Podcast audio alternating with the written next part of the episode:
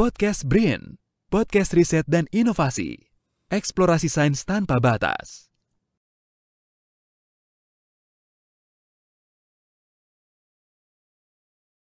Halo kawan Brin, jumpa lagi dengan saya Dia Sugianto dalam podcast Badan Riset dan Inovasi Nasional Brin. Dan hari ini saya sudah bersama Dr. Suharyo Sumowidakdo, seorang pakar. Ya, beliau adalah seorang peneliti bidang fisika partikel di Badan Riset dan Inovasi Nasional. Selamat pagi, Mas Aryo. Ya, selamat pagi juga Mbak Dia. Terima kasih sudah hadir di studio podcast Brin dan uh, beliau adalah uh, salah satu penerima anugerah Habibie Prize 2020 ya tahun lalu di bidang ilmu dasar. Seperti apa uh, cerita dari beliau ketika mendapatkan atau mulai dari mensubmit begitu untuk Habibie Prize tahun lalu. Kita akan langsung bertanya bagaimana ceritanya dari awal uh, mengikuti kompetisi ya kita bilang boleh bilang kompetisi Habibie Prize tahun lalu hingga bisa menjadi pemenang. Oke baik ya Mbak. Jadi sebenarnya kalau kita bicara Habibie Prize ya itu jelas bukan sesuatu yang dibangun dalam satu tahun ya jujur aja. Saya tadi sudah dikatakan saya meneliti bidang fisika partikel dan ada yang disebut saya bidang fisika partikel eksperimen. eksperimen. Nah, bidang fisika partikel itu ada selain eksperimen ada yang teori. Nah, itu hmm. kalau untuk yang teori itu di Indonesia sudah banyak hmm. Penerimanya. Bahkan Bapak Kepala BRIN sendiri adalah seorang fisikawan partikel teori. Partikel teori. Nah, saya adalah termasuk dari sedikit orang yang bisa dibilang itu menggeluti menggeluti bidang partikel eksperimen dan nekat karena oh. saya ingat sekitar mungkin sekitar 18 tahun yang lalu ya 2002 atau 2003 hmm.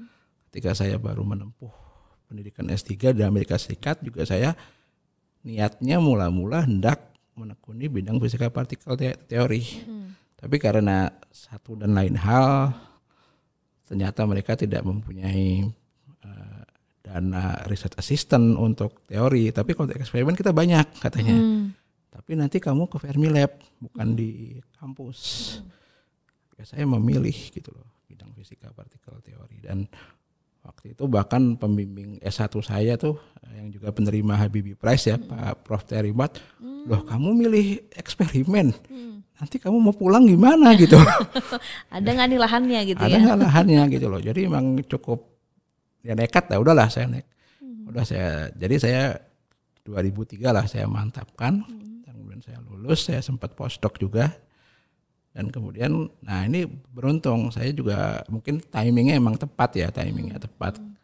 Ketika saya pulang ke Indonesia sekitar tahun 2013-14 memang waktu itu ya eh, Pak Kepala BRIN sekarang Pak Handoko waktu itu masih deputi ya atau saya lupa pokoknya udah hmm. belum kepala nah itu memutuskan memang kita udah bisa mulai terlibat dalam fisika partikel eksperimen hmm sehingga ketika saya pulang memang dari tempat untuk saya hmm. meskipun skalanya memang tidak sebesar yang pernah saya alami tapi bisa untuk memulai gitu hmm. dan juga ada beberapa rekan-rekan kan di di pusat penelitian informatika dan kemudian uh, fisika yang ikut terlibat dalam hal ini gitu Hmm, jadi itulah ya bergeser, tapi proses, proses beda apa? banget apa enggak sih mas antara yang tadi teori dengan yang eksperimennya itu? Beda, perbedaan itu. Pelajarinya ya, bukan sama-sama teori uh, itu yang eh, dipelajari. Iya iya, beda itu be begini mbak, saya ambil contoh sederhana ya. Hmm. Proses kita pengen tahu tentang bagaimana sih benda kalau dijatuhkan ke dalam air berapa lama dia sampai dasar. Hmm. Yang teori itu ngitung Oh, yang eksperimen okay. nge ngejatuhin barang terus ngukur pakai stopwatch sampai di dasar uh, uh, itu simpelnya gitu aja ya, ya, ya, ya. itu perbedaannya tapi sama-sama ya. tapi sama-sama mempelajari gimana suatu benda kalau dijatuhkan dalam air sampai ke dasar tuh berapa lama hmm. Subjeknya sama ya, cara melakukannya berbeda karena yang satu lagi nah, how gitu kan cara melakukannya berbeda metodologinya baik um, ini tentang bidang riset dasar nih mm -mm. di dalam Habibie Prize 2020 dan juga Habibie Prize yang tahun ini. Bagaimana uh, Mas Aryo melihat eh, ini eh, mungkin ini apresiasi ini ya eh, terhadap bidang tersebut. Oke, jadi Habibie Prize ini ya, dan saya sudah ikuti memang dari sejak lama gitu. Ini satu dari sedikit eh, penghargaan ilmiah yang memberikan tempat khusus untuk ilmu dasar.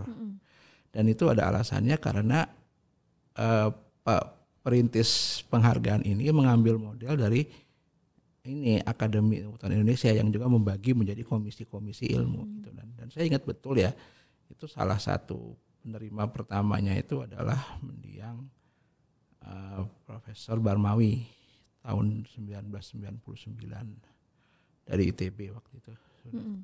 kan Ya. sudah jadi sudah 20 tahun ya cukup Ya 22 tahun. ya 20 dia 20 tahun lebih lah Ya. gitu. Iya.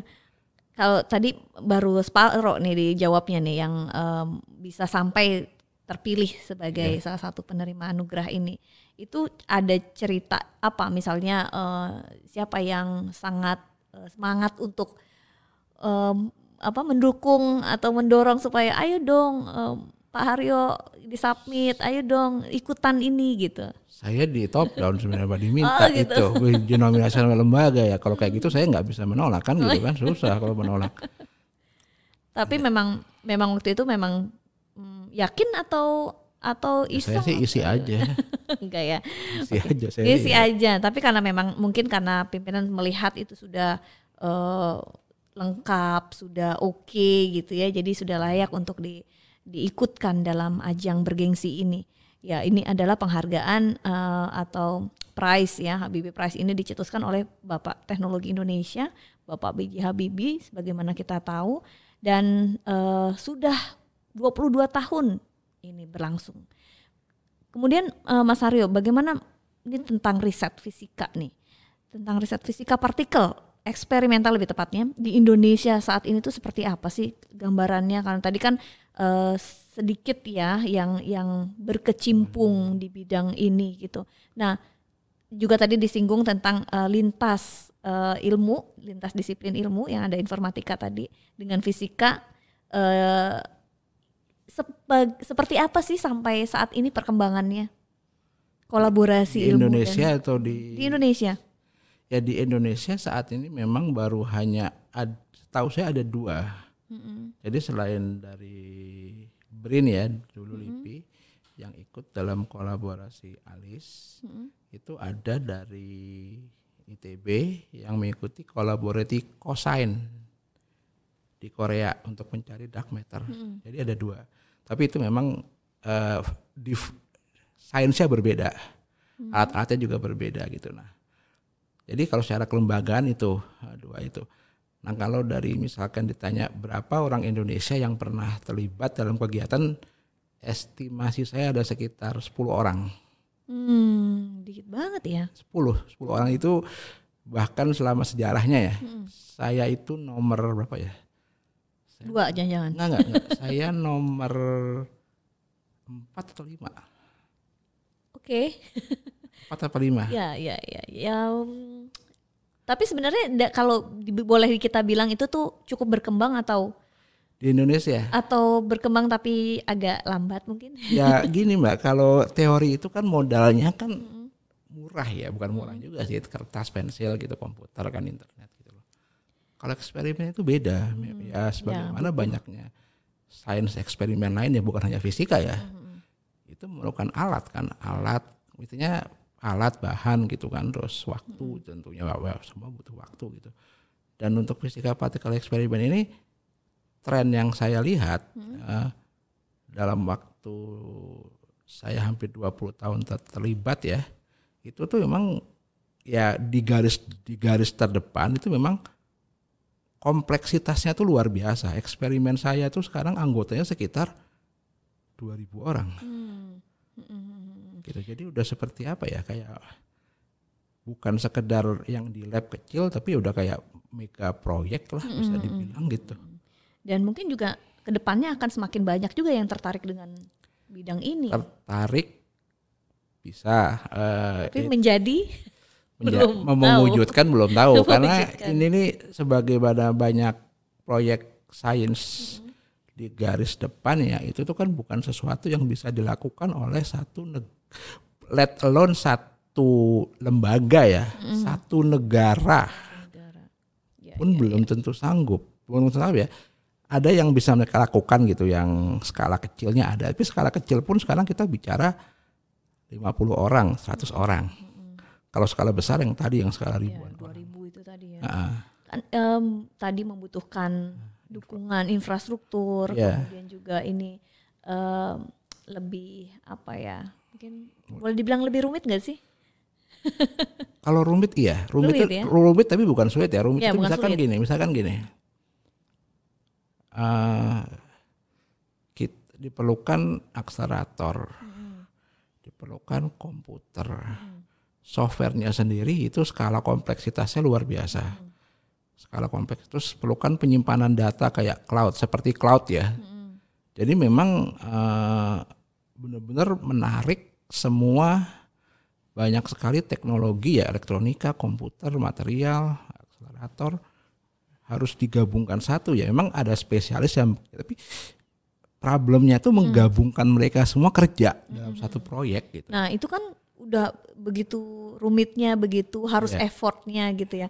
Kalau itu eh, selama ini atau atau bagaimana sih pemanfaatan yang sudah eh, dikonsepkan itu ya pemanfaatan fisika partikel eksperimental di Indonesia ini kira-kira eh, seperti apa pemanfaatannya kemudian dari kegiatan yang sudah berlangsung selama ini apa yang bisa dikontribusikan untuk Indonesia?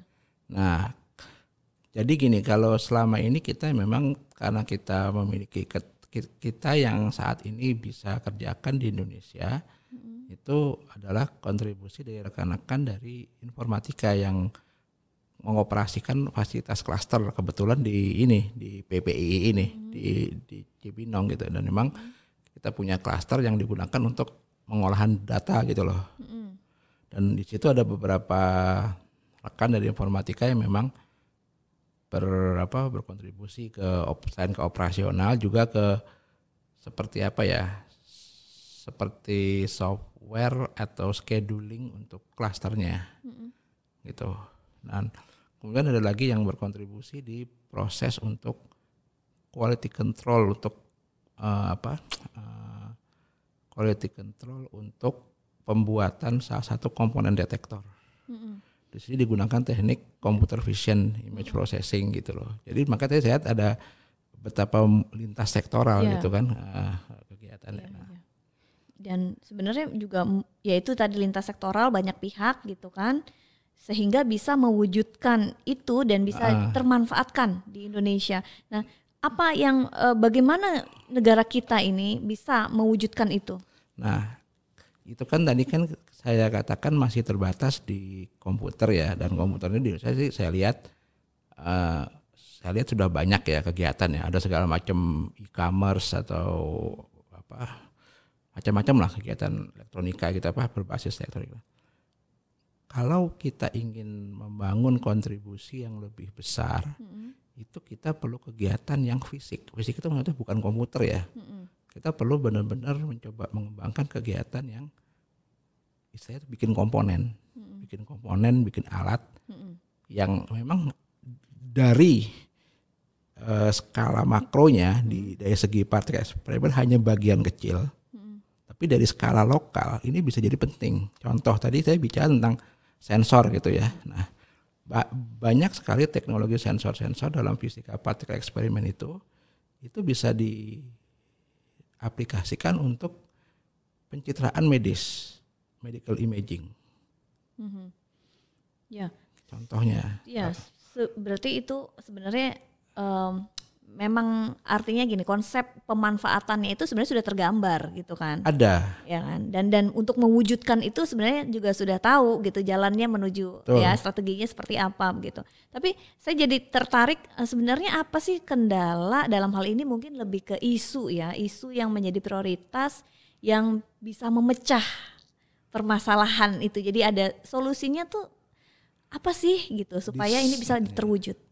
Kalau di sini yang saya lihat itu memang adalah Ya tadi karena kita udah singgung bahwa kegiatan fisika partikel eksperimen pada skala besar itu kan lintas sektoral dan di sini di Indonesia ini yang harus dikuatkan adalah kerjasama antar sektor gitu. Jadi misalkan gini, peneliti fisika partikelnya mungkin dia ngerti teknologi bikin sensor gitu ya. Tapi ketika dia mau mencoba untuk katakan melakukan uh, pengujian kepada pasien, nah kan dia kan bukan dia kan bukan orang rumah sakit atau dokter bukan kan? Ya, ya. Di sini perlu dibantu dari atas gimana mendobrak isu sektoral itu, hmm. menghubungkan gitu.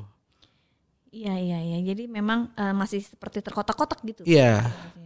Ya. Nah, Mas balik lagi ke ke cerita Habibie Prize nih yang 2020. Setelah menerima itu uh, ada perubahan atau mungkin ada uh, peningkatan uh, kolaborasi atau ide-ide baru gitu setelah Mas Haryo menerima anugerah itu? Wah, ada nggak? Jauh bingung juga jawabnya gimana karena kan ya nggak ada orang yang nyangka bakal dapat nggak ada orang nyangka bakal dapat hadiah kan nggak ada yang nyangka gitu loh ya udahlah gitu kalau orang udah dapat ya alhamdulillah dan bagi saya sendiri sih selalu saya katakan bahwa ini, ini kan amanah ya hmm. amanah bagi saya untuk lebih bisa bekerja dengan lebih baik gitu loh dengan lebih mencoba lebih baik itu bahkan bukan hanya untuk saya sendiri tapi juga untuk banyak orang. bukan apa ya membuat tidak hanya membuat diri saya lebih baik tapi juga membuat teman-teman saya lebih baik. Ya. gitu Dan loh semua orang yang mengenal khususnya. Gitu. nah kalau um, sekarang nih lagi sibuk apa sih mas yang ada riset yang lagi dikerjakan atau yang ingin dikerjakan? Oke, ini kalau ini saya bisa aja. Jadi ini juga baru tahun ini saya saya tuh lagi sekarang lagi mencoba suatu merintis kegiatan yang namanya tomografi muon. Hmm. Tomografi. Nah, tomografi muon tuh begini. Jadi sebenarnya saat kita sekarang bicara ini hmm. ya, itu ada partikel namanya muon dari langit, hmm. dari kosmik itu yang menembus tubuh kita. Hmm. Itu kira-kira 100 muon per meter persegi per detik. Nembus tubuh kita. Melalui? Nembus saja. Oh gitu. Dia nggak. Perantaranya apa nih bisa nembus? Apa? Karena dia tidak berinteraksi dengan materi. Oh. Nembus saja. Bisa gitu ya. Bisa, emang ada. Bentuknya apa tuh? Muon itu seperti Wujudnya itu. maksudnya. Seperti elektron yang mengelilingi atom. Kayak gelombang berarti? Enggak, enggak, dia partikel, dia partikel. partikel dia seperti elektron yang menginti atom tapi dia lebih berat, sekitar 200 kali lebih berat. Makanya karena dia lebih berat, dia tidak berinteraksi langsung nembus. Oh, oke. Okay. Nah, tapi dia bisa dideteksi kalau kita punya alat yang cocok, mm-hmm. kita bisa ngelihat dia. Nah, mm. Jadi muon ini gampangnya kayak partikel seperti sinar X, dia bisa nembus mm-hmm. materi. Nah, muon tomografi ini aplikasinya tuh banyak. Mm. Jadi saya bisa sebutkan dia bisa digunakan untuk misalkan melihat apakah ada uh, materi nuklir yang berpotensi jadi senjata nuklir diselundupkan. Mm-hmm. Dia bisa digunakan untuk melihat apakah ada keretakan dalam struktur uh, bangunan yang besar. Mm-hmm. Dia bahkan bisa digunakan untuk melihat pergerakan magma dalam gunung berapi. Mm-hmm. Ini bahkan saya udah lihat beberapa di Italia, di Jepang itu udah ada yang mencoba. Emang mereka pasang stasiun pengamat ngelihat dalam gunung gunung berapi. Nah ini yang lagi coba saya rintis kan. Saya ingat ini salah satu teknologi yang uh, sangat potensial untuk dipakai di Indonesia dan bisa menjembatani antara fisika partikel eksperimen dengan uh, dengan kebutuhan di Indonesia gitu. Hmm itu boleh dibilang itu uh, fungsi sensor kategorinya gitu boleh Iya, detektor, detektor, detektor, partikel ya. muon. Okay. Jadi kita nggak bisa ngelihat, tapi hmm. kalau pakai detektor bisa dilihat. Bisa kelihatan gitu. Mas Aryo, kita sudah di penghujung hmm. dan uh, ini pengen denger nih pesan dari Mas Aryo untuk mungkin preset di Indonesia yang mau atau mulai berminat atau mungkin kemarin sempat uh, failed untuk masuk terpilih menjadi penerima anugerah Habibie Prize 2020 tapi uh, mungkin bisa disemangati untuk bisa submit lagi. Apa pesan-pesannya? Oh. saya nggak tahu ya. Mungkin tips atau iya, trik. saya tahu. Saya nggak punya tips ya karena saya bukan yang Karena milih. udah keren dari lahir Iya, ya. saya bukan yang milih atau apa gitu. Kalau saya boleh kasih nasihat kepada semua orang di luar sana ya yang mau menjadi ilmuwan ya, dalam arti saya cuman bilang satu, eh, be courageous, because it really took a lot of courage to untuk perlu banyak keberanian untuk melakukan suatu kegiatan riset mungkin memilih jalur yang berbeda dengan yang lain gitu loh. Pembimbing saya dulu Pak Terry itu kaget ketika saya melihat eksperimen. Saya ingat sekali gitu loh tahun 2003 2004 tapi dia nggak dia tidak melarang saya Yes, gitu. tidak ya kayak emang ya udah Pak Aryo udah milih jalannya sendiri. Dan sekarang kalau saya lihat ke belakang dua memang nekat gitu loh. Ya, sebuah keputusan besar dalam hidup ya, Mas Aryo. iya memang nekat gitu loh. Ya, butuh keberanian untuk bisa mendobrak iya. cita-cita, untuk, Untuk bisa meraih itu. Yang mungkin kita juga nggak tahu bahwa itu goal kita atau bukan sebelumnya Iya, gitu tapi ya. intinya kalau nggak kalau nggak mau nggak berani ya susah. Gitu. Ya. Itu be courageous itu yang modal utama. Semua orang yang pintar banyak, semua orang yang dapat beasiswa banyak, semua orang yang punya koneksi banyak, tapi anda punya kalau anda punya keberanian itu sesuatu yang sangat berharga. Wow, luar biasa pesannya. Iya. Sangat menyentuh dan eh, menyemangati kita ya. Baik, kawan Brin, kita sampai di penghujung dan terima kasih banyak Dr. Suharyo Sumowidakdo. Iya, sama-sama. Mas Haryo, saya biasa manggilnya Mas Haryo nih. Oke, eh, kawan Brin, demikian akhir dari obrolan dengan Mas Haryo dan eh, kita akan ketemu lagi di episode berikutnya. Semoga obrolan ini bermanfaat untuk kita semua. Sampai jumpa. Selamat siang. Salam eksplorasi sains tanpa batas.